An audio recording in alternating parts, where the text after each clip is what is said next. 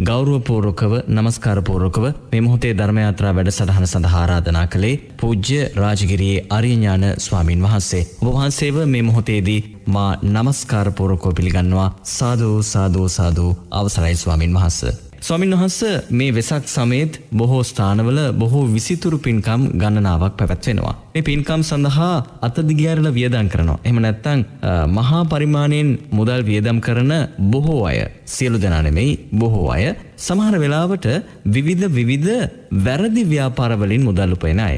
එමත් ඇත්තම් වෙනත් විධාකාරයේ ජාවාරම්වල නිරත වෙන වෙන්න පුළුවන් මේ අය තමන්ගේ අතේ තියෙන මුදල් තමන් හරිහම්ම කරගත්ත මුදල් මහ විශාල ප්‍රමාණයෙන් වියදම් කරමින් පින්කම් සිදු කරනවා. එතින්ද කෙනෙක් හිතන්නට පුළුවන් වැරදිආකාරයෙන් හම්බ කල්ලා ඒ මුදල් වියදම් කල්ලා පින්කම් කරන එකෙන් එය අයට තවත් හොඳක් සිද්ධ වෙනවා. අපිට සිද්ධ වෙන්නේ නරකක් කියලා. මෙන මේ කාරණාව සමාජය තුළ කසුකුසුවක් විදිහට තියෙන කාරණාවක් ස්වාමින් වහන්ස.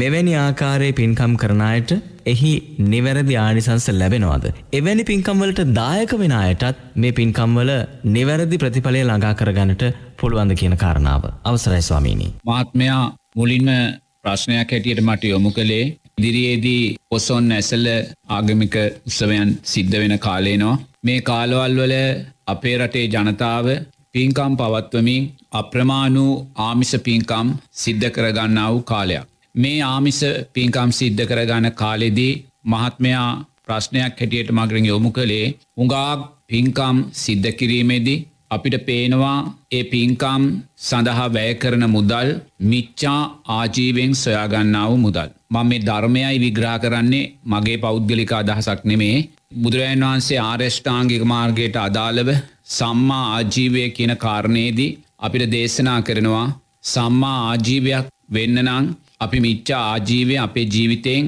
බැහැර වෙන්න ඕන. තොට මිච්චා ආජීවය කියල බුදුරජාණන් වහන්සේ දේශනා කරන්න වැරදි ආජීවය කියන්නේ එක මස්මාන්ස වෙළදාම දෙක වසවිස වෙළදාම තුන වෙඩි බෙහෙත්තුවක්කු වෙළදාම ඊළඟට සතුන් වෙළදාම වහල් වෙළදාම ඒවාගේම මත්වතුර කුඩුවේවා පෙතිවේවා කරල්වේවා මේවා වෙළදාම මේ සෑම දෙයක්ම මිච්චා ආජීවයක් වැරදි ආජීවයක් බවටයි පත්වෙන්. එතකොට මේ වැරදි ආජීවයන් තුළට අපි ආවොත් අපි වැරදි ආජීවයන් තුළින් අපි මුදල් හම්බු කළොත් අපි එක පැත්තකින් තේරුම් ගන්න ඕනේ අනිවාර්යෙන්ම අපිට සම්මා සතිය සහ සම්මා සමාධිය දුර්වල වෙලා යනවා. එතකොට සම්මා ආජීවේ දුර්වල වෙලා අපි මිච්චා ආජීවයට යොමුවෙන්නෙත් හේතු නිසා.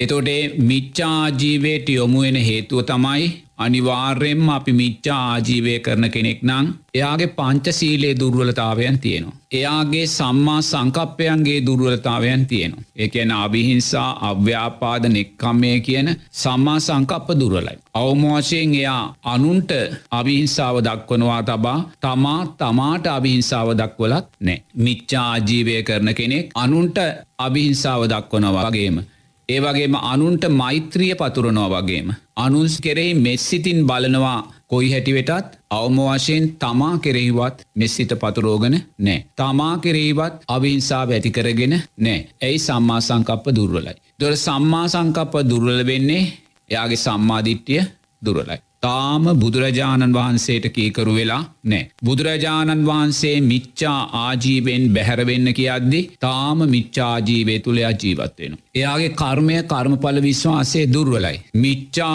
ආජීවයන් සිද්ධ කොළොත් එහි විපාක හැටියට ඊළඟ ජීවිතේ අප්‍රමාණ ආදීනවයන් ලබනවා කියන කාරණය එයාට සිනේ. අපිට සමාජය තුළ පේනවන අප්‍රමාණ රෝගී රැල්ලක් සමාජය තුළ පැතිරෙනවා. මේ පැත්තෙන් මිච්චා ආජීවරැල්ල ඉහලට යනකොට අනිත් පැත්තෙන් ඒ හේතු පලධර්මයන් හැටියට බරපත්තල වූ රෝගී රැල්ලක් සමාජගත වෙන. පිළිකාරෝගී රැල්ලක් වකුගඩු රෝගී රැල්ලක් අක්මාරෝගී රැල්ලක් මොලේ ගෙඩි රෝගී රැල්ලක් මේ වගේ අප්‍රමාණූ රෝගී රැල්ලක් මේ පැත්තෙන් මතුවෙන්. දරුවෙක් උපදිනකොටම එයාගේ පෙනහැල්ලේ ප්‍රශ්නයක්. උපදිනකොටම වකු ගඩුවක් නෑ. උපදිනකොටම අක්මාවින් භාගයක් නෑ. උපදිනකොටම තව ප්‍රශ්නයක්. ඒ ඇයි මේ පෙර ජීවිතේ මිච්චා ආජීවයන්ගේ පදය. සමාජය තුළ මෙවැනි අප්‍රමාණ ආදීනවයන් අපි දැක්කත් පිළිකා රෝහල් පිරී ඉතිරීගියත් වකුගඩු රෝගීන්ගේ අක්මා රෝගීන්ගේ ප්‍රසිසතය පිරී ඉතිරීගියත් සමාජයට සතිය සියක් නැහැ. ඇයි කර්මය කර්ම පල විශ්වාසය නැහැ. ඒ වගේම පටිච්ච සමුපන්න උපතත් තියෙනවා ඒ පටිච්ච සමුපන්න උපත දුර්වල වේ කියලා මොනම හේතුවක් නිසාවත් එයාට දැනෙන්නේ නෑ. අනේ ඊළඟ ජීවිතය අවම වශයෙන් මං මනුස්සෙක් වුණොත් මං මනුස්ස ජීවිතේ ලෙඩෙක් වෙනවා කියන කාරණයාට තේරුමක් නෑ. අනේ මං මිච්චා ආජීවය සිද්ධ කොළොත් ඊළඟ ජීවිතේ මාව පිළිකාරෝගයෙක් වෙයි මම අක්මාරෝගයෙක් වෙයි මම වකුගඩු රෝගයෙක් වෙයි මේවා පිළිබඳයාට වැටහීමක් නෑ ඇයි සම්මාධිට්්‍යය නෑ. ඒ නිසා නිරතුරුවම මහත්තයෝ අපි මිච්චා ආජීවයට යොමු එද්දී. එකැන ආර්යෂ්ඨාංගික මාර්ගයේ සීලේට අදාළ ලෞකික ප්‍රඥාවට අදාළ සියලූම මාර්ගංගයන් අපි දුර්වල කර ගන්න. එතකොටේ සියලුම මාර්ගංගයන් දුර්වල වෙද්දි මිච්චා ආජීවය නිසා අපිට කවදාක්වත් සම්මා සතියක් සම්මා සමාධයක් ඇති වෙන්නේ නැහැ. කළයුත්තේ මොකක්ද නොකළ යුත්තේ මොකක්ද කියන කාරණය අපිට ධර්මානුකූලුව තේරුම් ගැනීමේ සම්මා සතිය දුර්වල වේ. එයා ධර්මය අධර්මය අඳුනන්නේ. එයා පින පව අඳුනන්නේ නෑ. එයා කුසලේ අකුසලේ අඳුනන්නේ නැහැ. එයා සුගතිය දුගති අඳුනන්නේ නෑ. එයා මග නොමග අඳුනන්නේ නෑ. ඒ ඇන සම්මා සතිය දුර්වල. ඒගැන මොනසා ප්‍රකෝටිපතියෙක් වුණත් මොනසා විශාල පින්කම්මොල්ට සල්ලි වියදං කරන්නෙක් වුණත් ඒ මුදල්ලයා සොයාගන්නේ මිච්චා ආජීවෙන් නම්. එහෙම නැත්තම් සිල්පද පහ දුර්වල කරගත්තා වූ ධර්මතාවයන් තුළින් නම්. එවැනි කෙනෙකුට කවදාක්වත් සම්මා සතියක් කියන කාරණය හීනයක් පමණක්මයි. මිච්චා සතියයි තියෙන්. ඒ සම්මා සතිය හීනයක් නං ඒ හිත විසුරුණා වූ සිතක් ඒ සිට ධර්මය කෙරේ තැන්පත් නොවනා වූ සිතක් ඒ සිට කර්මය කර්මඵල විශ්වාසය නැති හිතක් ඒ සිට බුදුරජාණන් වහන්සේට අකීකරු හිතක් ඒ නිසා මේ හිත කවදාක්වත් සම්මා සමාධියකට එන්නේ නැහැ. ඒකෙන යමෙක් මිච්චා ආජීවය තුළ ජීවත් වෙන වනං. සිල්පද දුර්වල කරගෙන මුදල් හම්බු කරනවනං. ඉං අදහස් වෙන්නේ ඔහු ලෞකික ප්‍රඥාවෙනුත් දුර්වල කෙනෙක් ඒ වගේම සම්මා සතියක් සම්මා සමාධයක් කියන කාරණය පිළිබඳ එයා ගැන කතා කරන්න පුළුවන්කමක් නෑ. ඒනං යමෙක් මිච්චා ජීවය තුළ ජීවත් වෙනවනං අනිවාර්යෙන්මින් අදහස් වෙන්නේ ආර්යෂ්ඨාංගික මාර්ගයෙන් බැහැරව කටයුතු කරන්න වූ කෙනෙක්. දැ මහත්මයා මගින් ප්‍රශ්නයක් ඇහුවේ මේ මිච්චා ආජීවය තුළින් සොයාගන්නා උමුදලින්. එම නැතම් පංචසීලය දුර්ුවල කරගෙන අපි හම්බු කරගන්නා වූ මුදල්ලොලින්. ලක්ෂ ගණන් කෝටි ගණන් දසදහස් ගනම් වැය කරලා පින්කම් සිද්ධ කිරීමෙන් ඒවා තුළින් අපි ලබන්නා වූ පලය කුමද්ද කියන කාරණය. නවත් මහත්තයෝ ඇත්තටම අපිට සමාජයේදිහැ බලද්දී අපිට පේනවා මුළු ලෝකෙම්ම වැඩියම පින්කම් සිද්ධ කරන්න අපේ රටේ. අප්‍රමාත ප්‍රනීත ප්‍රනීත පින්කං අපි සිද්ධ කරගන්න. අනුරාධපුර පුුණ්්‍ය භූමියයට ගියත් කිරිවෙහෙර පුුණ්්‍ය භූමියයට ගියත් කැලනි පන්සල්ට ගියත් බෙල්ලංගිල පන්සල්ට ගියත් ඔය සෑම තැනකදිම පින්වත් ජනතාව අප්‍රමාණූ පින්කන් සිද්ධ කරගන්න. ගෙවල්වොල්ල වෙනම පින්කන් සිද්ධ වෙන. නමුත් මේසා ලෝකයේ වැඩියෙන්ම පින්කන් සිද්ධ වනත් මාතයෝ මේ ලෝකේම බින්දුවට වැටුනා වූ රටක් බවට අපි පත් වෙලා තියෙන. මේ ලෝකෙම්ම අනුන්ගෙන් සිංගාකාල ජීවත්වෙන රටක් බවට පත්වෙලා තියෙන. මේ ලෝකෙම්ම අපේ බවබෝග සම්පත් අපේ අයිතීන් අපිට අහිමි වෙන රටක් බවට පත්වෙලා තියෙන. එනගිතින් නිරතුරුවම අපි දක්ෂ වෙන්න ඕනෙ හිතන්න මේසා ප්‍රනීත පින්කම් සිද්ධ කළත්. මේසා සුවිශාල පින්කම් සිද්ධ කළත්. මේසා විසිතුරු විසිතුරු පින්කම් සිද්ධ කළත් මාත්‍යයෝ ඒ පින්කම් තුළින් ලැබෙන්න්නා වූ යහපත් ආනිසංසයෝ සමාජගත වෙලා නෑ. යහපත් ආනිසංසයෝ සමාජගත වනානං අපේ රටට ලෝකයාගෙන් හිඟාකන්න අවශ්‍යතාවයක් නැහැ. ඒ නිසා අනිවාර්යෙන්ම අපි තේරුම් ගන්න ඕනේ අපි කරන්නා වූ පින්කම්මොලින්. සීයට හැත්ත පහක් ඉතර අනිවාර්යෙන්ම ආර්යෂ්ඨාංගික මාර්ගය දුර්ුවල කරගෙනයි අපි පින්කන් සිද්ධ කරන්න. ආර්යෂ්ඨාංගික මාර්ගය දුර්වල කරගෙන පින්කම් කරනවා කියන්නේ අපි මිච්චා ආජීවයෙන් සොයාගත් මුදලින් පින්කම් කරනවා. සිල්පද පහ දුර්වල කරගෙන ලබන්නාව මුදලින් අපි පින්කම් කරනවා. ඒ වගේම සම්මා සංකප්පයන් දුර්වල කරගෙන උපයන්නාව මුදලින් අපි පින්කම් කරනවා. මොද සම්මා සංකප්ප දුර්වල කරගන්නවා කියන්. අනුංග හිංසනයට පත් කරලා. අනුංග කායිකෝ මානසිකෝ පීඩනයට පත් කරලා. ඒවගේම අපි සමාජය තුළ දේශය ඇති කරලා අපි දේශය ඇති කරගෙන. නෙක්කම්මෙන් බැහැර වෙලා. ඒවාගේම සම්මාධිට්්‍යය දුර්වල කරගෙන අපි මුදල් හම්බු කරන. අද කොච්චර සමාජය තුළ තියනාද කියල බලනු. මනුස්්‍යයාට මනුස්්‍යාව මානසික හිංසනයකට පත් කරගෙන කායික හිංසනයන්ට පත් කරගෙන මුදල් හම්බුවන තැම් බලන්නක ඔය අපේ මගී ප්‍රවාහන සේවේ දිහැ බලන්න. සමහරය බස්සෙහි කර නැක්ගත් අනේ කොන්දොස්සර මාත්‍යයටයි රීදුරු මාටයටයි බැන බැන තමයි බස්සකෙන් බහින. එයි බසේ තුළ ඇති වුණා වූයම් කායික මානසික පීඩාවන්. මෙවැනි තැනකදී වුණත් ඒ ලබන්නා වූ මුදල කවදක්වත් ආර්යෂ්ඨාංගික මාර්ගය රැකගෙන ලැබවා වූ මුදලක් ලාභයක් බවට පත්වෙන්නේ නැහැ. එනිසා සමාජය තුළ කොහෙ බැලුවත්. කඩේකට ගිහිල්ලා අපි බඩුවක් මිලට ගත්තා. අපි යන්නේ බිත්තරයක් රුපියල් හතලියට මිලට ගන්න. නමුත් අපිට සිද්ධ වෙන්නේ පණහටේදේ ගන්න. අපි යන්නේ මාළු කිලයෝකක් රුපියල් දහට මිලට ගන්න. නමුත් අපිට ලැබෙන්නේ එද්දාස් පන්සීයට. මේ සෑම තැනකදිම අනවශ්‍ය ලාභ උපයන්න ගිහිල්ලා බලවත් ආකාරයෙන් සම්මා සංකප්පයන් අපි දුරුවල කර ගන්න. ඒ නිසාම අපි ලබන්නා වූ මුදල් සම්මා ආජීවයකින් සෙව්වා වූ මුදල් බවට පත්වෙන්නේ නැහැ. ඒ වගේම සමහර පින්කන් සිද්ධ වෙන්නේ අප්‍රමාණ කළු සල්ලියෝලින් සොයාගත්තාව මුදල්. වැරදි විදිහට සොයාගත්තාව මුදල්. සොරකම් කිරීමෙන් සොයා වංචාකාරීව සොයාගත්ත මුදල් අල්ලස් තුළින් සොයාගත්තාව මුදල් දූෂණ තුළින් සොයාගත්තාව මුදල්. මෙවැනි මුදල්ලොලින් පින්කම් කරලා අවසානයේ බැනුම් අහන්නේ කවුද. සම්මා සම්බුද්ධ ශාසනය. ලෝතුරා බුදුරජාණන් වහන්සේ. උතුම් ධර්මරත්නය උතුම් සංගරත්නය. නමුත් අපි ප්‍රශ්නය ධර්මානුකූලෝ විසඳගන්නේ නැහැ.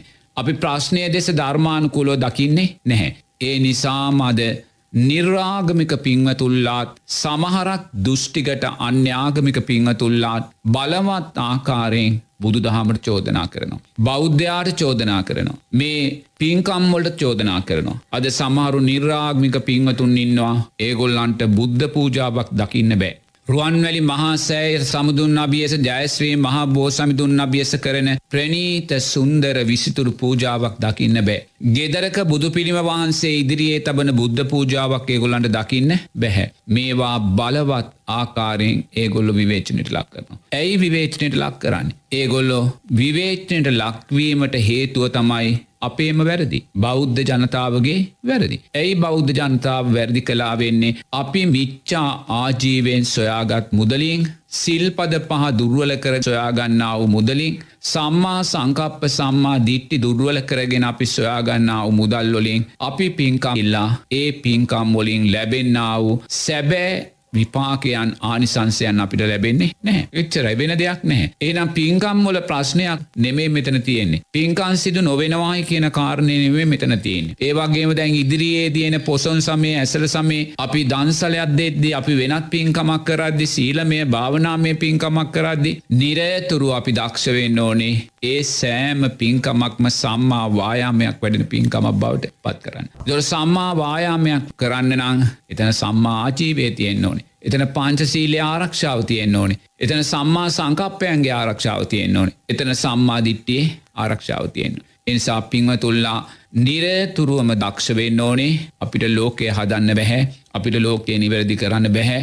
අතීතයේ බුදුරජාණන් වහන්සේලා ලක්ෂගානක් පහළ වෙලත් ලෝකයේ නිවැරදි වුණේ නෑ අපේ ගෞතම බුදුරජාණන් වහන්සේ මීට වසල දෙදා සයිසියකටිතර පෙරාතුව පහළුනා කියලා ලෝකය නිවැරදි වුණේ නෑ ලෝතුරා බුදුරජාණන් වහන්සේ පිරිනිවන් පාලා වසර පන්සීයක් යනකොට මුළු ඉන්දියාවෙන්ම බුදු දහම අතුරු දහං වෙලා එන තත්ත්වට සමාජය පත් වනා. ඉං අදහස් වෙන්නේ බුදුරජාණන් වහන්සේ නමකටවත් මේ උතුම් සම්මා සම්බුධ ශාසනයටවත් මේ උතුම් චතුරාර් සත ධර්මයන්ටවත් ලෝකයේ නිවැරදි කරන්න පුළුවන්කමක් නැහැ.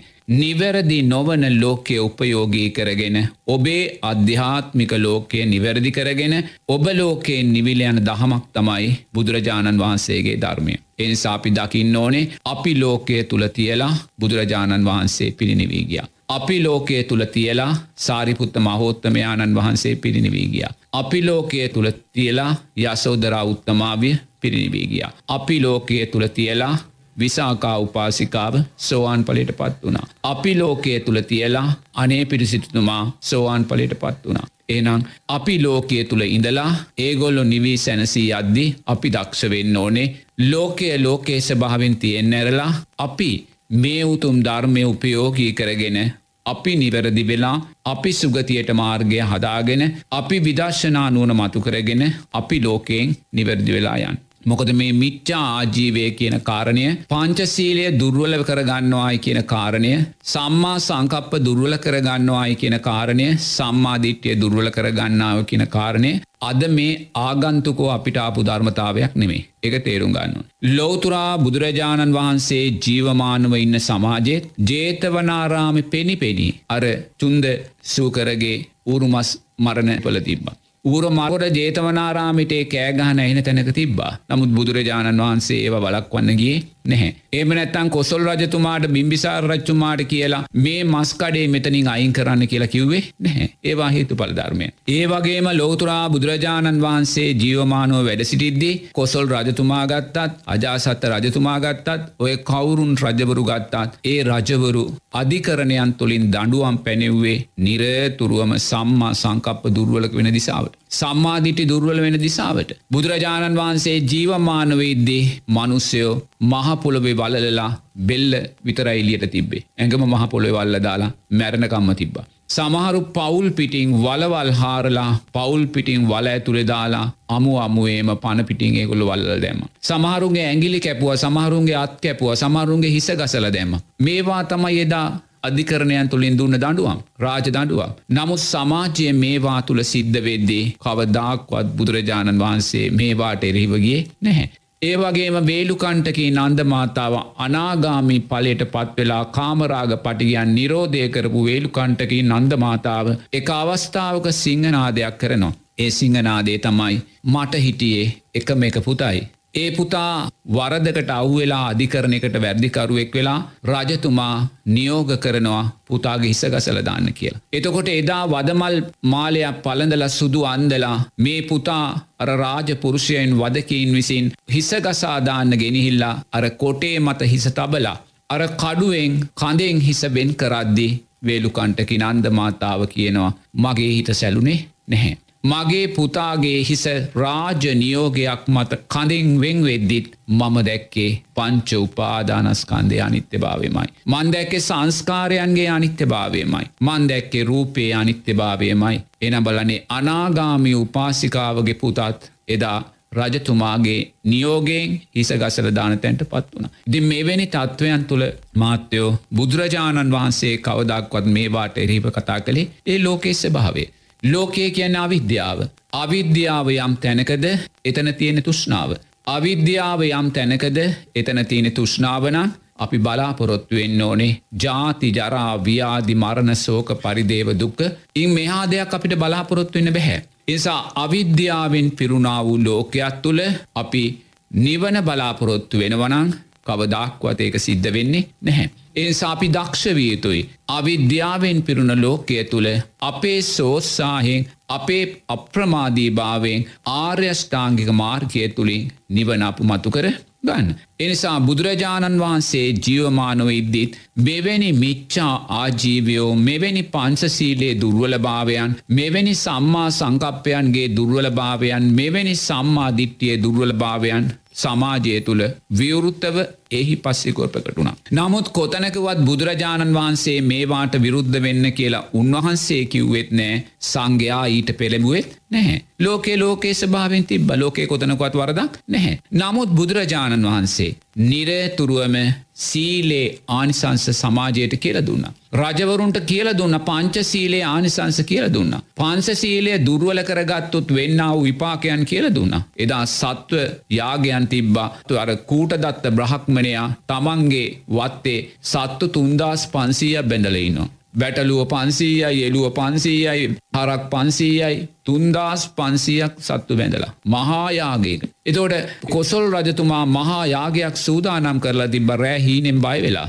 නමුත් බුදුරජාණන් වහන්සේ මේ හැම තැනකදිම සීලේ ආනි සංසධර්මයන් කියලදුන්. ඔබ සත්ව ඝාතනය කොළොත් ඔබට පත්වන විපාක මේකයි. එනිසා බුදුරජාණන් වහන්සේ හැම්වෙලාම අපිට කිව්වේ මේ ලෝකධාතුවේ ශේෂ්ඨයාගයක් තියෙනවා. ඒ ශේෂ්ඨ යාගය බුදුරජාණන් වහන්සේ නමක් තමයි ලෝකෙට දේශනා කරන්න. අපි එක එක යාග භූමි සමාජතියනවා. සමාරු ගින්නෙන් දෙවියෝ පුදල යාග කරනවා. සමහරු ලෙයින් යාග කරනවා. ද අන්තවාදී සමහර ආගම් නිරේතුරුව මේගොල්ලො තමන්ගේ දෙවියන් වහන්සේ පූජා කරන්න ලෙයින්. තමන්ගේ දෙවියන් වහන්සේ පූජා කරන්නේ කුකුලෙක්ගේ බෙල්ල කපලා හරකෙක්ගේ බෙල්ල කපල ඉළුවෙක්ගේ බෙල්ල කපලා. තමන්ගේ දෙවියන් වහන්සේට ඒගොල්ල පූජා කරන්නේ මනුස්්‍යයාගේ බෙල්ල කපලා. එවැනි යාගයන් සමාජය තුළ තියෙන.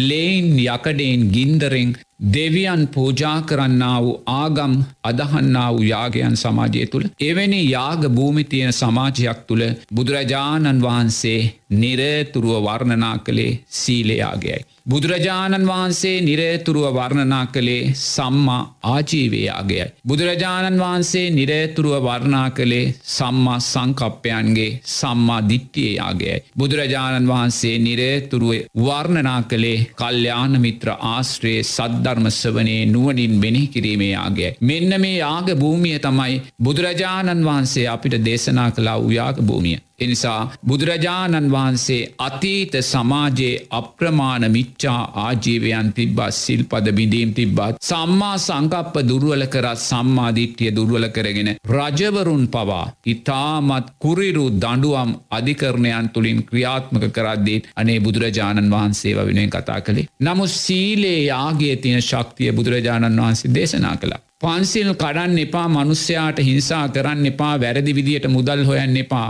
කියල බුදුරන් වන්සේ දේශනා කළ. වරක් විසාකා උපාසිකාව මහ දවල් එනවා බුදුරන් වන්සට වන්දනා කරන්න. බුදුරන් වන්සේ ආනවා විසාකා ඔබ මේ මහ දවල් කොහි ගිහිල් එන ගමන්ද කියලා. තුර විසාකාව කියනවා මම කොසොල් රජතුමාගේ කාර්යාලයට ගියා එනිලධාරින්ගේ කාර්යාලට මට මගේ මේ රාජකාරී කටයුත්තක් කල්ල තිනවා. මම දැන් හතර පස් වතාවක්ම රස්තියාදු වෙනවා. තාමත් මට මගේ රාජකාරිය කල්ල දුන්නේ නැ. ඒ වෙලා බුදුරජාණන් වහන්සේ කියන්නේ ගිහිල්ලම් විසාකාව කියන්න මම කිව්ව කියලා කොසල් රත්තුමාට මේක කරගන්න කියලා. එහෙම කියන්න දැ අපෙන් එහෙම බලාපොරොත්තු වෙන දැන් බුදුරජාණන් වහන්සේගේ ශ්‍රාවකයන් හැටියට අපෙන් සමරු බලාපොරොත්තු වෙන අහබලාට කියලා අරදේ කරලා දෙන්න. අනේ බලන්නක හාමුදුරුවන්ට පුළුවන් අහබලාට කියලා මේක කරලා දෙන්න. නමුත් හාමුදුරුව කරලා දෙන්නේ නැහැ. මේවැනි දේවල් නිසා තරහාවෙච්ච ඇතින් අප්‍රමාණ. නමුත් බුදුරජාණන් වහන්සේ විසාකාවට දේශනා කරන්න විසාකාව ඔබ යම් දුක්වේදනාවක් ලබනවනා ඒ දුක්වේදනාවට කවුරුත් වග කියන්න ඕනේ නැහැ. පිස් සංසාරයේ අනුන්ට දුන්නා වූ දුක්වේදනාවක් තමයි ඒ විපාක හැටියට ඔබ අන්නානිසංසි කියල දුන්න. කර්මය කර්ම පල් විශ්වාසය මේ කියල දෙන සම්මා දිට්ටිය. කොසල් රත්තුමන්ට ගිල්ල බුදුරජන් වන්සේ මම කිව්වා කියලා කියන්න කියලා කිවේ නමුත් අදමොකද සමාජ බලාපොරොත්තුවෙන්. අද සමාජයේ සමහරු ඇවිල් අපෙන් බලාපොරොත්තු වෙනවා අහබලාට කියල මේ දේ කරලා දෙන්න. අහබලාට කියලා අරකාරන් දෙන්න. හාමුදුරුව කිව්වොත් මේක කරලදේ. එහෙම ධර්මයක් බුදුරජාණන් වහන්සේ අපිට දේශනා කළනෑ. අපි දකිින් ඕනේ අපිට යමක් නොලබෙන වනං ඒ නොලබීම අපිම කරගත්තා වූ සංස්කාරයක් කියන කාරණයයි බුදුරජන් වන්සේ කිවේ. බුදුරජන් වන්සේ ලෝකය හදන්න නෙමේ ගිය ලෝකය නිවැරදි කරන්න නෙමේ. බුදුරජන් වන්සේ දන්නවා ලෝකය හදන්න බෑ ලෝකය නිවැරදි කරන්න බෑ කියලා. ඇයි ලෝකයේ ඉපදුනේ අවිද්‍යාවෙන්. එතන චතුරාරි සත්ත නොදන්නා භාවේ යම් තැනක තියෙනවනම් ඒ ලෝකයේ නිවැරදි කරන්න බැහැ. ඒ ලෝකය තියලා ඒ ලෝකයේ නොතැවරී අපි ලෝකයෙන් නිදහස් වෙන තැනයි බුදුරජාණන් වහන්සේ අපිට දේශනා කරන්න. දැන් වෙසක් සතිය මේ ගතවෙන්නේ. ඒවාගේම ඉදිරියේදී පොසොන් ඇසල මෙවැනි පින්කම් සිද්ධ වෙන. ඒවාගේම අවුරුද්ධ තුන්සිය හැට පස් දවස පුරාවටම රටපුරා පින්කම් සිද්ධ වෙනවා.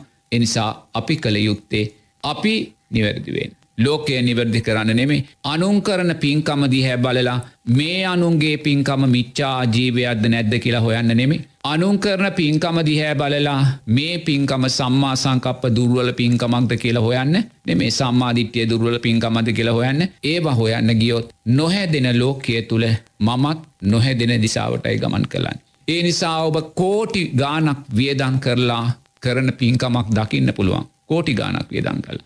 ලක්ෂගානක් වියදං කල්ලා කල්ල පින්කමත් දකින්න පුළුවන්. නමුත් ඔබ දන්නවා මේ මුදල් යහපත් ආකාරයෙන් සොයාගත්ත මුදල් නෙමේ කියලා. මේ මුදල් ජනතාවට කායිකව මානසිකව හිංසා කල්ල ලබාගත්ත මුදල් කියල ඔබ දන්නවා. මිච්චා ආජීවෙන් සොයන මුදල් කියල ඔබ දන්නවා නමුත් ඔබ ඒව හිතන්නයන්න අවශ්‍යනය. මිච්චා ආජීවෙන් කරන්න වූ පින්කමක් ඔබ දැක්කත් වැරදි ආකාරයෙන් මුදල්ලු පෙර කරන පින්කමක් දැක්කත් ඔබ සාදු සාදු කියලා නිරේතුරුවම ඒ පින්කම තුළින් ධර්මය උපේක්ෂාව ඇති කරගන්න. ඒ පින්කම නිසා ඔබ ගැටෙන ස්භාවට හෝ ඔබ හරි කියලා ඔබ ඇලෙන ස්භාවට ඔබ යන්න එපා.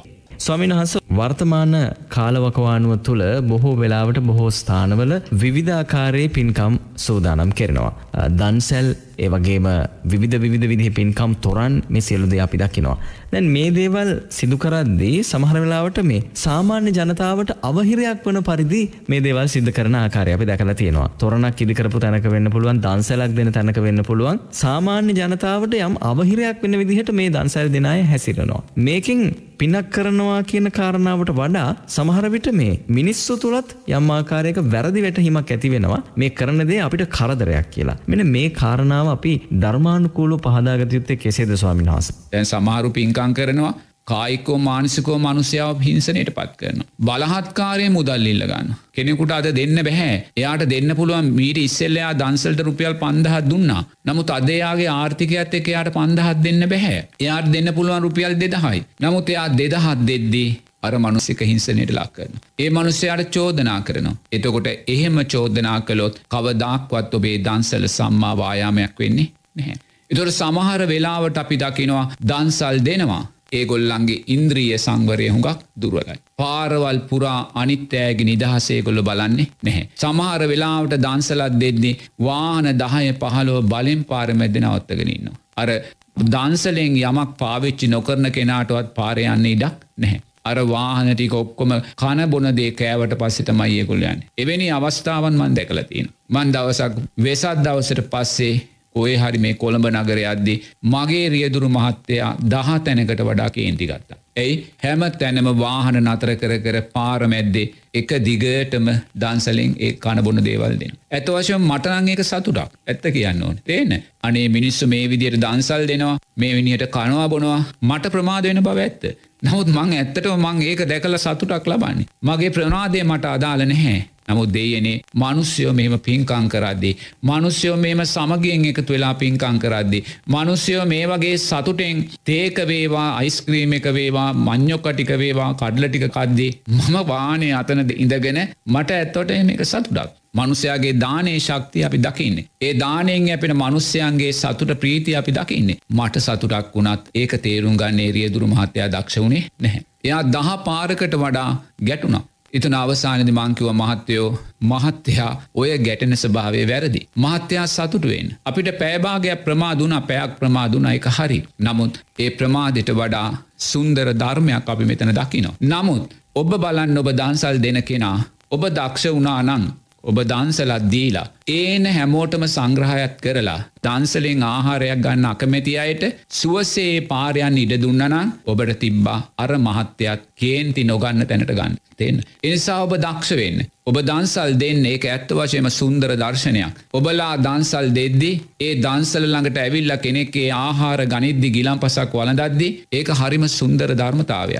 දානේ සුන්දර ධර්මතාවය. කර්මය කර්මඵල විශ්වාසයේ සුන්දර ධර්මතාවය. එනිසා ඒවත් තව තව තවතව වැඩියෙන් කරන්න. නමුත් ඔබ දක්ෂවෙන්න ඕනේ විනයක් තුළ සීලයක් තුළ ඒ දෙ කරන්න. විනයක් සීලයක් එතන දුර්වල වනානං එතන දුර්වල සම්මා සංකප්ප සම්මාධිට්ටි ලෞක ප්‍රඥාව දුර්වලයි. එනිසා ඔබේ දන්සල දෙද්දී ඒ දන්සලෙන් ප්‍රයෝජන ලබන අය වෙන්වා ඉංකරගෙන ඔබ දක්ෂවෙන්න මහපාරීට දෙන්න. මහපාර වසාගෙන ඔබ දන්සල් දෙන්න එපා මොකද හැම කෙනාම ඒ එක මාර්ථයෙන් හිතන්න දක්ෂනෑ එකිනෙකාගේ සංස්කාරයන්ට අදාළ එකිනෙකාගේ අවිද්‍යාවේ ස්භාවයන්ට අදාළ එකිනෙකාගේ කල්්‍යාන මිත්‍ර භාවය ආශ්‍රයන්ට අදාළව එක එක්කනාගේ අදහස් සිතුම් පැතුම් වෙනස්. එනිසා දන්සල තුළින් සතුටු වෙන සිය දෙනෙක් වාහන විසි පහක් අතර අසතුට වෙන දෙතුන් දෙනෙකුත් ඉන්න පුළුව. එනිසා ඔබ දක්ෂ වෙන්න ඕනේ දන්සල තුළින් සතුට වෙන විසි පස් දෙනා සතුටු කරනවා වගේම. එතන ඇතිවෙන බාධාව තුළින් පීඩාවට පත්වෙන අරතුන් දෙනත් සතුරු කරන්න. ඒක කරන්න නම් මහපාරයේ දන්සල් දෙද්දී ඔබ දක්ෂ වෙන්න විනයක් ඇතුව. ඒ කාරණය සිද්ධ කරන්න දන්සලෙන් ප්‍රයෝජන ගන්න අය වගේම දන්සලට අකමැති ඇත්තින්නවා ඒ අකමැති අයත් මානසික හිංසනයකින් කායික හිංසනයකට පත් කරන්න නැතුව ඒ අයත් පිංහතුනී ආරක්ෂා කරගෙන ඔබ දන්සල තුළින් ඒ දානමය පුං්ඥ ශක්තිය ජීවිතයට එකතු කර ගැනීම තමයි සැබෑ ආර්යෂ්ඨාංගික මාර්ගය පුහුණු කරන කෙනෙක්ගේ ශක්තිය විය. අපි නිරේතුරු අපි දක් අපි හිතනවා භික්ෂුවක් කැටියට බුදුරජාණන් වහන්සේගේ ශ්‍රාවකය කැටියට. ම වචනයක් කතා කරද්දි. දැම්ම මේ අදහස් දක්වද්දීත් මොකක් දෙතන තියන් ආර්යෂ්ඨාංගික මාර්ගය. සම්මා සංකප්ප සම්මාධීටි. දර මම මේ අදහස් දක්වද්දී මම දන්සල දෙන කෙනාත්. ඒ දන්සලෙන් ආහාර අනුභව කරන කෙනාත්. ඒ වගේම මේ දෙකටම අකමැති කෙනා තුන් දෙනම් මං ආරක්ෂා කරනවා. ඒ තුන් දෙනම් මං ආරක්ෂා කරන. ඒ ආරක්ෂා කරමින් තමයි මං ඔබට මේ අදහස් ප්‍රකාශ කළේ. දොට දන්සල් දෙන කෙනා වැරදි කියල මං කිව්වෙත් නෑ. ඒ වගේම දන්සලළඟ නතරව බුක්ති විදින කෙනා වැරදි කිව්වෙත් මං ඔබට කිව්වා මම වාහනේ ඉද්දි පෑකට වඩා ප්‍රමාද වුණා රියදුරු මහත්තයා බයිනවා මං එක සතුරෙන් බලාගෙන හිටිය කියලා. තේන ඒ සිද්ධියෙන් හැම දෙයක් මං පුදුමාකාර සතුරින් බලන් හිටිය කියල. ඒ වගේ මං ඔබට මතක් කලා දන්සලට අකමැති කෙනාටත් තද බදයකින් තොරව නිදහසේ පාරයා නිඩ දෙන්න ඕනි කියලා. එතදවල මම මේ තුන් ගොල්ලම්ම ආරක්ෂා කලා ඒ ආරක්ෂා කිරිතුුණු මමොකක්ද බලාපොරොත්තුවෙන් සම්මා සංකප්පය. එක මගේ සම්මා දිට්ටිය ඒක මගේ සම්මා සංකප්ප. ඒ තුළින් මම අනුන්ගේ දන්සල තුළින්. අනුන්ගේ දන්සල් වැලඳීම තුළින් අනුන්ගේ දන්සලට බයින කෙනා තුළින් මම මෙතන ඉඳගෙන සම්මා සංකප්ප වඩනවා. ඒ සම්මා සංකප්ප වඩනවා වගේම ඔබට සම්මා සංකප්ප වඩන්න සම්මා දිට්ටිය වඩන්න. ඔබේ පින්කම සම්මා වායාමයක් බවට පත් කරගන්න මං ඔබට ඊට අදාළ ධර්මයක් කියල දෙනවා. මේක තමයි ශාසනය. ඉසන් ලෝකය නිවැරදි කරන්න බෑ. මේ ලෝකය නිවැරදි නොවන ලෝකයක් ඇයි ලෝක ඉපදුනේ අවිද්‍යාවෙන් ලෝකය දුවන්නේ තුෂ්නාවෙන්. එනිසා දන්සල දෙන කෙනා තුළත් සංස්කාරයන් කරේ තුෂ්නාව තියෙන්නේ දන්සල වලඳන කෙනා තුළත් ආහාරය කරේ තුෂ්නාව තියෙන්නේ දන්සලට බැන බැන එතන මාර්ග තදබදේ හිරවෙල ඉන්න කෙනා තුළත් පංචුපා දනස්කන්දය කරේ තුෂ්නාවයි තියෙන්. එනම් අපි මේ තුන්ගොල්ලොම අවිද්‍යාවත් තුෂ්නාවත් තුළයි කටයුතු කරන්න. එනිසා අවිද්‍යාවත් තුෂ්නාවක් යම් තැනකද ඕන වෙලාකු වරදක් සිද්ධ වෙන්න පුළුවන්. එනිසා අපි දක්ෂවීතුයි නිරේතුරුවම සමාජය තුළ සිදුවෙන සෑම සිදුවීමක් තුළින්ම. සමාජයට යහපත කියල දෙනවා වගේම සමාජයට සාමීචි පටිපන්න ගුණෙන් අවවාද කරනවා වගේම මේ නොහැදෙන්න්න වූ අවිද්‍යාවේ තුෂ්නාවේ ලෝකය උපයෝගී කරගෙන දන්සල තුළිනුත් දන්සලයෙන් ප්‍රයෝජනය ගන්න ආහාර අනුභව කරන්නේ පුද්ගලයා තුළිනුත් ජනතාව තුළිනුත් දන්සලට විරුද්ධව හිංසනයට ලක්වෙලා එතන පීඩාවට පත්වෙන කෙනා තුළිනුත් හැම්වෙලාම මගේ සම්මා සතිය මගේ සම්මා සමාධිය මගේ විදශ්චනානුවන මගේ විමුක්තිය කියන කාරණය අපි සාක්ෂාත් කරගෙන දන්සල ලෝකෙ තුළ තියලා දන්සල් අනුභව කිරීමත් ලෝකයේ තුළ තියලා මිච්චා ආජීවයත් ලෝකයේ තුළ තියලා දන්සලට බයින මනුස්්‍යයොත් ලෝකයේ තුළ තියලා අපි ලෝකයෙන් නිදහස් වෙලායන්. ඒක තමයි මේ සම්මා සම්බුද්ධ ශාසනය උපයෝගී කරගෙන මේ වෙසක් මේ පොසොන් මේ ඇසල සමයන් උපයෝගී කරගෙන අපි කරගන්නා වූ ශේෂ්ඨම පින්කම කියලා මට කරුණු කියන්න සිද්ධ වෙන්නේ. අවසරයි ස්වාමීන් වහන්ස මේ වෙනකොට අපේ රටේ බරපතල ප්‍රශ්නයක් බවට පත්වෙලා තියෙනවා මේ තිරිසන් සතුන්ගෙන් මිනිස්සුන්ට සිද්ධ වෙන කරදරය. දැන් උදාහරණයක් හැටියට වගා හානි කරන සතුන් විදිහට මේ වනාලි, එවැගේම රිලව්, වඳුරෝ, දඩුලෙන්නු, ඉත්තෑව, වල්ලූරු මෙන්න මේ විදිහේ විවිධ සතුන් මේ මිනිස්සුන්ගේ වගාවන්ට හානි කරනවා. දැන් මේක බරපතල ප්‍රශ්නයක් බවට පත්වෙලා තියෙනවා. ඒ නිසා දැන් සමාජය තුළ කතාවක් ගොඩනැගෙනවා රිලව් පිට රට යවන එක හොඳයි. එහෙම නැත්නම් මේ මොනරු මරලා දාන එක හොඳයි. එහෙම නැත්නම් මේ වල්ලුරුන්ට වෙඩි තියන එක හොඳයි. මේ සතුන් ඝාතනය කළා හරි මේ ප්‍රශ්න විසඳිය යුතුයි කියලා සමාජය තුළ මතයක් ගොඩනැගෙමින් තියෙනවා. දැන් අපි බෞද්ධයෝ හැටියට බෞද්ධ රටක ජීවත් වෙන ජනතාව හැටියට බුදුදහම ආරක්ෂා කරන ජනතාව හැටියට ලෝතර බුදු පියාණන් වහන්සේ දේශනා කළ තියෙනවා මේ ප්‍රාණඝාතය කියන්නේ අකුසලයක් කියලා. ස්වාමීන් වහන්සේ මේ ප්‍රාණඝාතය අකුසලයක් බව දැන දැනත් අපි මේ සත්තුන්ගේ සිද්ධ වෙන බාධාවන්ට සත්තු මරන්න උත්සාහ කරන එකේ වරදක් අපිට පේන්නටම තියෙනවා. මේ කාරණාව අපි ධර්මානුකූලව පැහැදිලි කරගත යුත්තේ කෙසේද ගරු ස්වාමීන් වහන්සේ? මෙහෙමයි. ඔතන මහත්මයා යොමු කරන ප්‍රශ්නය තමයි තිරිසන් සතුන්ගෙන්. ඒ කියන්නේ වනාලින්ගෙන්, වල්ලූරන්ගෙන්, රිලවුන්ගෙන්, මොනරුන්ගෙන්, දඩුලේලන්ගෙන්, ඉත්තෑවයින්ගෙන් අප්‍රමාණූ හිංසනයන් අපේ ගොවි ජනතාවට සිද්ධ වෙනවා කියන කාරණය. මේ හේතුවෙන් මේ සත්තු මරාධානයක මේ සත්තු විදේශගත කරන එක සුදුසුද කියන කාරණය තමයි මහත්මයාහන්නේ. ඉති ඔතැනදි මහත්මයෝ අපි නිරේතුරුව තේරුම් ගන්න ඕනේ මට පටිච්ච සම්පාදයම තමයි මෙතනදිත් කියන්න වෙන්නේ තුෂ්නාපච්චයා උපාදාන. උපාදාන පච්චයා බවෝ භවපච්චයා ජාති ජාතිපත්්‍යයා ජරා මරණන් සෝක පරිදේව දුක්ක දෝමනස්ස ප්‍රියන්ගෙන් වෙන්වීම අප්‍රියන්නා එක්වින් පංචුපාදානස්කන්ද. එතොට මේ දුක දැන් සකස් වනේ කුමක් නිසාද. දැන් අපි මේ ගොවිතැනට හිංසා කන සතුන් නිසා මේ අත්විදින්නා වූ මානසික පීඩනය කායික පීඩනය දෙකක් මානසික විතරන්න මේ කායික මොකොද සත්තුන්ගෙන් වෙන හිංසා භික්ෂුවක් හැටියට මං හොදටම දන්න. මොකද අපි ගම්වල කැලවල්වල ජීවත්වෙන් නිසා මේ රිලව් විසින් මොනරුන් විසින් ඉත්තෑවන් විසින් දඩුලේනන් විසින් අලින් විසින් ගොවි ජනතාවට කරන්නා වූ අප්‍රමාණ කායික මානසික පීඩාවන් ගැන ඇස් දෙකෙන් අපි දැකලතින්. ගොවි ජනතාවට නෙමේ අපිටත්. අපේ කුටියට පැනලා මගේ පාත්තරේ දානිටික පෙරලපු අවස්ථා තියෙන. ඒන මේ දොර වහලා තියෙද්දී. දොර වහලා මං එලිය අතුගානෝ. කොහෙන් වූ අර උඩ තියෙන හිටසකින් මේකට පැල්ලා පාත්තර මේ උකරු අවස්ථාතියන. ඉතින් එවැනි අවස්ථාවකද මේ සතුන් නිසා අපිටත් අපේ කටයුතු කරගන්න බැරි වෙලා ඉතින් මත් අපි ඒක දකින්න ඕන මේ කුමක්ද මේ වෙන්නේ. අවිද්‍යා පච්චයා අවිද්‍යාව හේතුවෙන් සකස් කරගත්තා උත්සංස්කාර. එන්න වෙන දෙයක් නෙමේ. ඉතින් අර මේ ලෝකය කල්ප විනාසයකින් පස්සේ. මේ ලෝකය නැවුම්ම හටගෙන මේ නැවුම් ලෝකයට මුලින්ම එන්න අර ආබස්සරා බ්‍රහ්ම ලෝකෙන් ආලෝක සංඥාවෙන් ආපු බ්‍රහ්මයෝ. මේ අරූපාවචර රූපාවචර දයාන් මේ බ්‍රහ්මතල්ල හිටිය බ්‍රහ්මයෝ. ආලෝක සංඥාවෙන් ඇවිල්ලා ප්‍රක්මයා කියන කවුද සමාධිය තුළ වේදනාවේ ආස්වාධි තුළින්න කෙනෙ. මේ ආලෝක සංඥාවෙන් ආපු බ්‍රහ්මයෝ අර නැවුම් පොළවේ මිදුනා වූ මී පැණිවැනි සුවඳවත් රසවත් අයෝගට් එක බඳු මහපොළොව රසවිඳලා මේ කය ගන වෙලා මනුසයෝ බවට පත්වෙන. තුෂ්නාවෙන්ම ගන වෙනවා. එනම් බලන්න අවිද්‍යාව හේතුවෙන් සකස් වෙන තුෂ්නාවට පුළුවන්. ආබස්සරා බ්‍රහ්මලෝකයේ බ්‍රහ්මයෝ ආලෝක සංඥාවෙන් ආපු බ්‍රහ්මයෝ කය ගනවෙලා මනුස්සෙක් බවට පත් කරන්න. එහම පත්වෙලා ඊළඟට මොකද කරන්නේ. ඊළඟට පහල වෙන අර තම්පලා ඒකට තුෂ්නාවෙන් බැඳෙනවා. අර පැණි හතුවලට තුෂ්නාවෙන් බැඳෙනවා. එල්හාල්ලට තුෂ්නාවෙන් බැඳෙනවා. බැඳිලා ඊට පස්සේ මොකක්ද මේ කොල්ල වෙන කාමයන් වැඩෙනවා. කාමයන් වැඩිලා ස්ත්‍රී පුරුෂභාවයට පත්වෙනවා. ස්ත්‍රී පුරුෂභාවයට පත්වෙලා කාමේ වර්දවා හැසිරෙනවා කාමේ වර්දවා හැසිරිලා සමාජය තුළ අප්‍රමාණ අවුල්වියවුල් ඇති කරගන්නවා මේ ලෝකධාත්තුවේ අලුත් ලෝකය තුළ රජ කෙනෙක් පත් කරගන්නේ මේ ඇතිවෙන්න වූ අවුල්වියවුල් විසඳන්න. එදා එහෙමයි ලෝකේ නැවුම් හට ගත්තේ. එතොට මේ නැවුම්ම හටගත්ත මොහොතේ මේ ලෝකෙට එන්නේ ආබස්සරා බ්‍රහ්ම ලෝකයේ වේදනාවේ ආස්වාදය විඳපු බ්‍රහ්මය ආලෝක සංඥාවෙන්. ආලෝක සංඥාවෙන් ආපු බ්‍රහ්මයෝ තුස්න ගන වෙලා අවසානයේ විකෘතියක් බවට පත්වෙනවා. රජ කෙනෙක් තෝරාගෙන මේ ප්‍රශ්න මේ අධිකරණයන් විසඳන තැන්ට පත්වෙන තැන්ට සමාජය පත් කරන. ඒනම් මහත්තයෝ මේ මනුස්ස ලෝකයේ අවිද්‍යාවෙන් අන්දවෙච්ච මනුස්ස ලෝකයේ තුළ තුස්නාව ඔඩුදූප මනුස්ස ලෝකයේ තුළ දුක ගැන හැර අපිට සැප ගැන කතා කරන්න වෙන්නේ නැහැ. ඒ නිසා අපි මේ තිරිසන් ලෝකයෙන් වෙන්න වූ පීඩාව පිළිබඳ කිසිම සැකයක් නෑ අනිවාර්යම විසඳුවක් අවශ්‍යයි මාත්‍යයෝ. නමුත් අකුස්සලයක් විපාක දෙන්නේ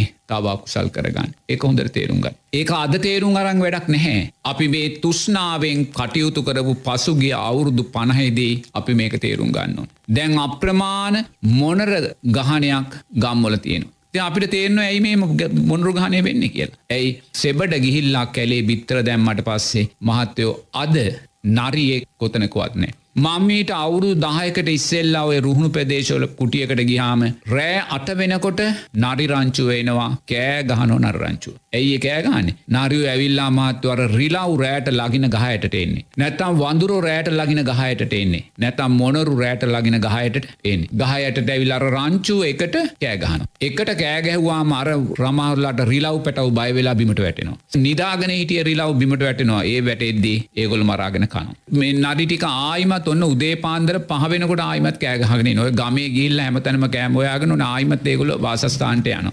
මේ විදිහට හිටපු නරී මහත්තයෝ අද කොහෙවත් මනන් දැන් අරියෙක් කෑගානුව හිලනේ. දැම්මන්ගේ කුටියට ගියොත් කවදක්වත් නරියෙක් කෑගානු ඇවුණේ නැහැ දැ මොකක් දෙකින් වෙන්නේ. එතකොට නරි ග්‍රහණය සම්පූර්ණයම නැතුව ගිය. ඇයි රෑට මේ නරි ගිහිල්ලාර කුඹුරුවලට බහිනවා නැත්තං අර හාලා තියන ලියදිවලට බහිනවා. ඒවාට වසවිස ගහලා තියෙනවා. ඒ වසවිස ගහපු කක්කුට්ටො ටික ගෙම්බොටික මැරිලා ඒවා කාලා නරිටික මැරෙන ඒවා කාල නට්ටික මැරන මං එක ගමකට දවසක් ගියද්දි ඒ කුටිය ඉදිරියෙන් කැලේ හැම දාම බල්ලෝ හතර පස් දෙනෙක් රංචුවට කැලේට යන ඒ කැලේට යන්නේ මැරිච්ච සත්තුන්ගේ මස්කන්නේ මසටම පුහුණු වෙලායිගොල්ල මේගොල දැන් හැමදාම් මේ කැලේට යන මං අවුරුදු දෙහකින් වගේ ආයිමත් මේ ගමට ගිහම් මේ එකම බල්ලෙක්වත් ගමේ නෑ මං පොඩ්ඩක් හොයල බැලවා මේ බල්ලන්ට මොක දුනේ කියලා. මතු මනුස්සෙක් හරකෙකුට වහදීලා හරක මැරුණා මැරුණට පස්සේ බල්ලො ටිකේ හරකගේ කුණ කාලා අර බල්ල ඔක්කෝ මැරුණ. අන්න ඒ වගේ අර ගම්වල හිටිය නරි ටික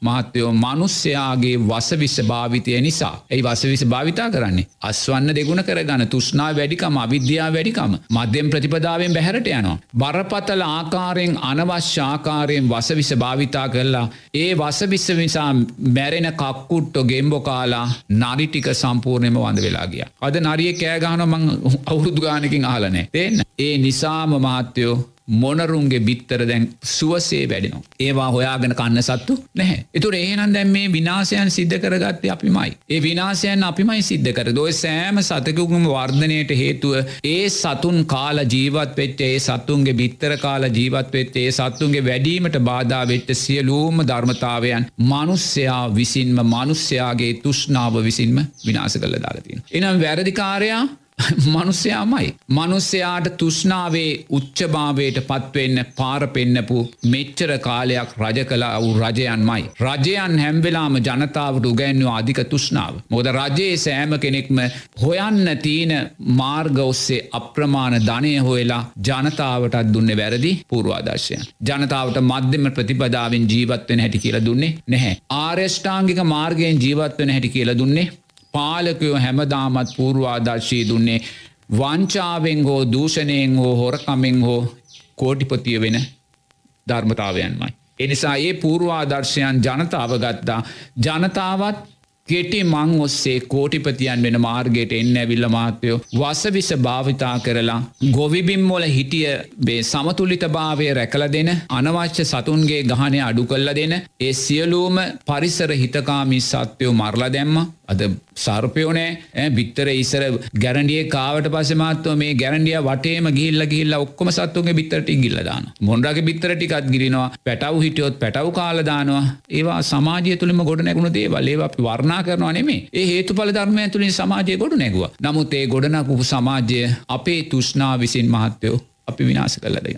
ඒනම් අකුස්සලය විපාක දෙන්නේ තව අකුසල් කරගන්න දැන් ඒක තේරුම් ගන්නවා. දැන් රිලාගානය හොදට වැඩි අනිවාර්යෙන්ම සිද්ධ වෙනවා එක්කො මේ සත්තු මරන්න එක්කො මේ සත්තු විදේශෝල්ට විකුණන්න මසට එවැනි දේකට ඇයි අකුස්සලය විසින් තව අකුසල් කරාපි අරංගෙන. දැන් මොනර ගහනය සමහර වෙලාවට ලියදි පිටින් මොරුන්ට දීලතිනවා. මොනරු පස් දෙනෙක් ලියද්දට පැන්ලා පැයින් මුළු ලියත් දෙම තින වී කරල්ටික්කන. එහෙම කාබ්ද ඕන තරම්මන් දෙකල තියෙන. සමහර මේ පොල්වතු තියෙනවා අක්කර පහහය තනිකර මේ දන්ඩුවෙන්ටයි රිලවුන්ටයි දීලා බඳුරන්ටයි. ඒ ආදායමක් නෑ. එහෙමනම් මහත්තයෝ සමාජයක් ගොඩනැගෙන්න්න බැහැ. ආර්ථිකයක් වැඩෙන්න්න බැහැ. ජනතාවගේ ආර්ථික ශක්තිය ගොඩනගන්න බැහැ. නමුත් ඒ තැනට අපි ආවේ මනුස්්‍යයාගේ පාලකයාගේ තුෂ්නා විසින් මයි. එනිසා දැන් අපිට මේ ප්‍රශ්නය විසඳගන්න නම් අකුසලේ නිසා තව අකුසල් වැඩෙන දිසාවට අපි යන්න වෙන. එනිසා අපි දක්ෂ වෙන්න ඕනේ මේ තත්ත්වයන් අපි පාලනය කරනොගත්තොත්. මේවා අනාගතයේදී විසඳගන්න මහත්තයෝ මීටත් වඩා බරපතල අකුසල්වලට සත්ව ඝාතනයන්ට සත්ව හිංසනයන්ට සමාජයට යන්න සිද්ධවේ. එනිසා මේවාට වග කියන්න ඕනේ පවතින රජය පවතින නෙමේ පැවතියා වූ සියලු රජයන්. මොකද ජනතාවගේ තුෂ්නා වැඩි කරලා ජනතා හිතවාදී කුෂිකර්මයට හිතවාදී සත්තු විනාස කරලා මේ පලිබෝධයන් උඩට එන්න ජනතාවගේ තුෂ්නාවමයි උපයෝගිකුණේ තියෙන එනිසා නිරේතුරුව අපි හිතන්න දක්ෂ වෙන්න ඕනේ.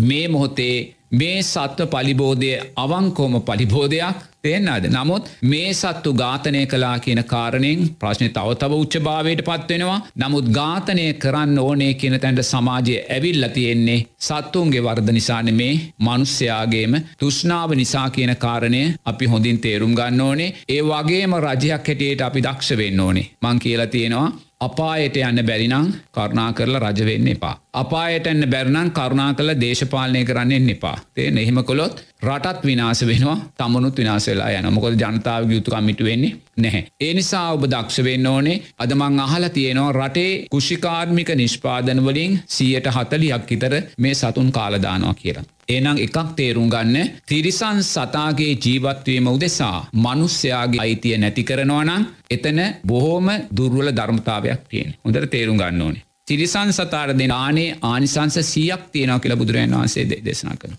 ඒ වගේම දුස්සීල පෘතක්ජන කෙනාට දෙන දානේ ආනිසංස දාහක් තියනව කියලා බුදුරජන් වහන්සේ දේශනා කරන. එන ඔබ බලන්න දුස්සීල පෘතක්ජන කියන කෙනා ගන්නකෝ තිරිසන් සතා කියන කෙනා ගන්නකෝ එතොට තිරිසන් සතාට දෙන්න වූ දානේ ආනිසංස සීයයි. දුස්සීල කෙනාට දෙන්න උදානේ ආනිසංස දාහයි. ඔබ රජයක් හැටියට දුස්සීල පෘතක්ජන කෙනාට ලබන්නා වූ ආහාරවලින් සීයට හතලියක් විනාසවෙන්න ඇරලා ඔබාර තිරිසන් සතා පෝෂණය කරනවා නං එතනේ සමාජය කඩා වැටෙන සමාජයක් මයි. පිනෙන් කුසලේනුත් කඩා වැටෙන සමාජය. එතකොට බලන්න තිරිසන් සතා මෙතන ජනතාවගේ පන්සිල් රකින ජනතාවගේ අටසිල් රකින ජනතාවගේ මෛත්‍රීය වඩන ජනතාවගේ තිරිසන් සතාටම අනුකම්පා කරන ජනතාවගේ සිරිසන් සතාටම මෛත්‍රිය කරන ජනතාවගේ බවබෝග සම්පත් පෙනි පෙනී විනාස කරනවනං.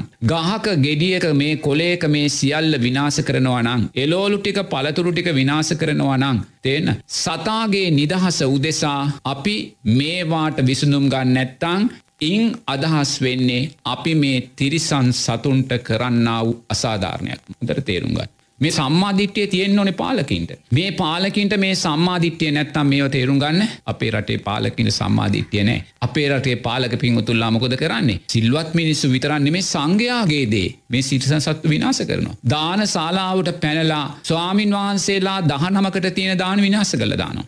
දාන ශලාවට පැනලා පලතුරු ටික විනාස කළ දාන. එතවට බලන්නක දැන් මොකක්ද වෙන්නේ. මේ දාන ශලාවේ සංඝයා අරමුණු කරගෙන පූජාකරපු දාන තියෙන්නේ. එතකොට ගෙදරක මිනිස්සු සිල්පදපා ආරක්ෂා කරගෙන සම්මා ආජීවයෙන් හොයාගත්ත මුදලින් හදාගත කෑමටික තියෙන්නේ. මනුස්්‍යයා සිල්පද ආරක්ෂාකරගෙන කරපු වගාවක් තියෙන්නේ. එතොට මේ වගාවන් මේ ආහාර තිරිසන් සතා විනාස කරද්දී මේ තිරිසන් සතා කරගන්නා වූ අකුසලේ ප්‍රමාණය අපිට හිතාගන්න පැහැ. මම පින්ඩපාත ගිහිල්ලා උදේ හයට ඇවිදලා ගමට ගිහිල්ලා කිලෝමීටර් තුනහතරක් ඇවිදලා දාඩිය දාගෙන මම් පින්ඩපාත ගෙනල්ල මගේ කුටිය ඇතුළේ තියලා මම මූුණ හෝදන්න අද්දී රිලවෙක් ඇවිල්ලේ පින්ඩපාති පාත්‍රයේ පෙල්ලුවොත් මත්වේ රිලවට ලැබෙන විපාකය කල්ප ගානක් බරපතලයි අඳන්න. එනම් කෞුද වග කියන්න ඕනේ කෞුද වග කියන්න ඕනේ. ඒ අහිංසක සතා වග කියයුතු නැහැ. ඒ අයිංසක සතා අයිහ දන්නේ නෑ යට හිතන්න ශක්තියක් නැහැ. එනිසා සතුන් එවැනි තත්ත්වයකට පත් කරන්න හේතු වෙච්ච ජනතාවයි රජයයි වග කියන්න ඕනේ. එනිසා අද තිරිසන් සතා අලියා කියන සතා වනාලියා කියන සතා රිලවා කියන සතා මොනරා කියන සතා දඩුලේනා කියන සතා ඉත්තෑවා කියන සතා මහත්තයෝ මේ ලෝක ධාතුවේ බලවත්ම අකුසල් කරන සත්තු බවට මනුස්්‍යයා විසිම පත් කළ තින. ඇයි මේ යහපත් ආකාරයෙන් ජීවත් වෙන ගොවි ජනතාවගේ සියලු ගොවි නිෂ්පාදන මේ සත්තු විනාස කළදාන්. එතටින් අපි බලන්න ඕනේ එක දවසකට මේ තිරිසන් සතුන් කරගන්නා වූ අකුසලේ ප්‍රමාණය පොඩිද කියලා. නමුත් අපි මොකක්ද කරන්නේ. අපි තිරිසන් සතාට එකදීලා සුන්දර මනුස්සයා දෙකට දාන. තිරිසන් සතා බේරන්න ගිහිල්ලා මේ මනුස්ස ජීවිතේ කාම ලෝකයේ ඉපදුන්න මේ සුන්දර මනුස්සයාගේ අයිතිය අපි නැති කළ දාන. තිරිසන් සතා බේරගන්න ගිහිල්ලා මේ සුන්දර පිනෙන් උපන් මනුස්්‍යයාගේ තියෙන්න්නාව බවබෝග සම්පත් අහිමි කල්ලා දාන් එක තේරුම් ගන්න. එනිසා මෙතන බරපතල වූ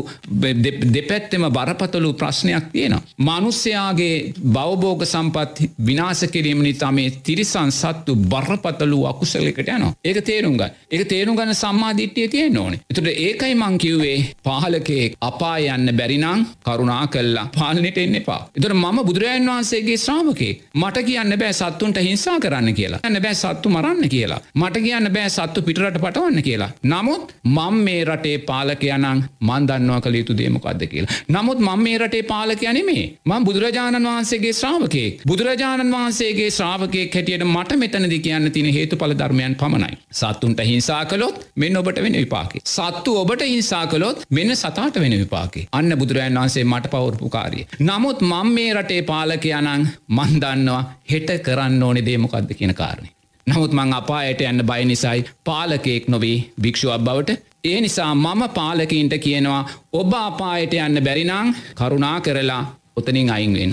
මොකද ඔබලා ගන්නාව මේ වැරදි තීරණ නිසා දුර්වල ක්‍රියාවන් නිසා තිරිසන් සත්තු මේ සුන්දර මනුස්සෙන්ගෙදේ විනාස කරලා මේ ලෝක ධාතුවේ බලවත්ම අකුසල් කරන සත්ව කොට්ටාසය බවට පත් කළ තින. එනිසා නිහතුරුව දක්ෂ වෙන මෙතන බරපතල අර්බුදයක් තියෙනවා මේ අර්බුදය විසින් එක පැත්තකින් මනුස්්‍යයා අකුසලේට තුළට යොමු කරනවා අනිත් පැත්තෙන් ඒ අකුසලේට වඩා දසදහස් ගානක ශක්තියකින් තිරිසන් සතාත අකුසලේට යොමු කරනවා. නමුත් විසඳුමක් තියෙනවා මං බුදුරජාණන් වහන්සේගේ ශ්‍රාවකයෙක් මට ඒ විසඳුම කියන්න බෑ මං පාලකෙක් වුණාන මං ඒ විසඳුම කියනවා ශ්‍රාවකයෙක් හැටියට මට කියන්න පුළුවන් සිල්පද බිඳගන්න එපා. සත්ව හිංසාවට සත්ව ඝාතනයට යන්න එපා ඔබ ඔබේ බවබෝග සම්පත් විනාස කරනවා කියලා. සත්තු ඝාතනය කළොත් අනිවාර්යයෙන් ඔබ ඊළඟ ජීවිතයේ රිලවෙක් මොනරෙක් වෙලා ඔබත් ඝාතනයට ලක්වෙනවා මයි අන්න ඇත්ත.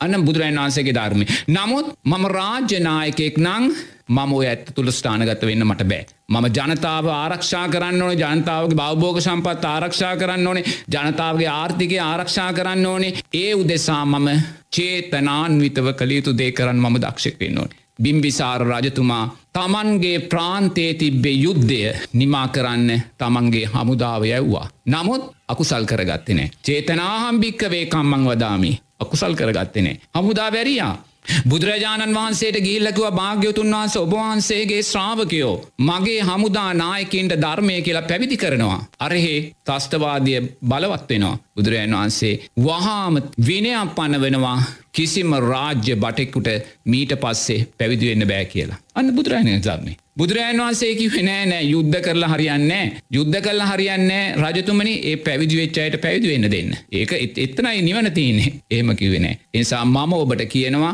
මං බුදුරජාණන් වහන්සේගේ ශ්‍රාවකයෙක් මම ශ්‍රාවකයෙක් නිසා ඔබට සීලය ගැනයි මම කියල දෙන්නේ. නමුත් මං පාලකෙක් වුණා නං කළයුත්තෙ මොකක්ද කියලා මම දැන් කියනවා. නමුත් මං පාලකයෙක් නෙවේ තෙරුවන් සරණයි.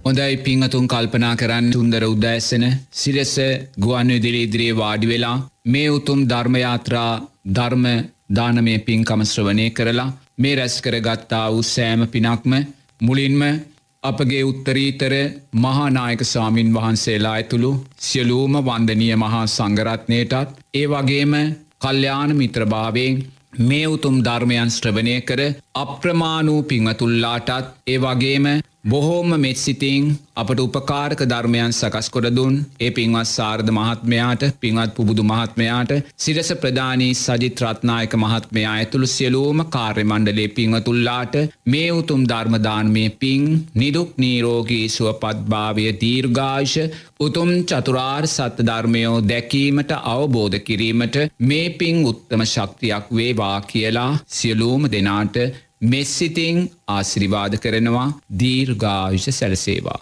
තෙරුවන් සරණයි.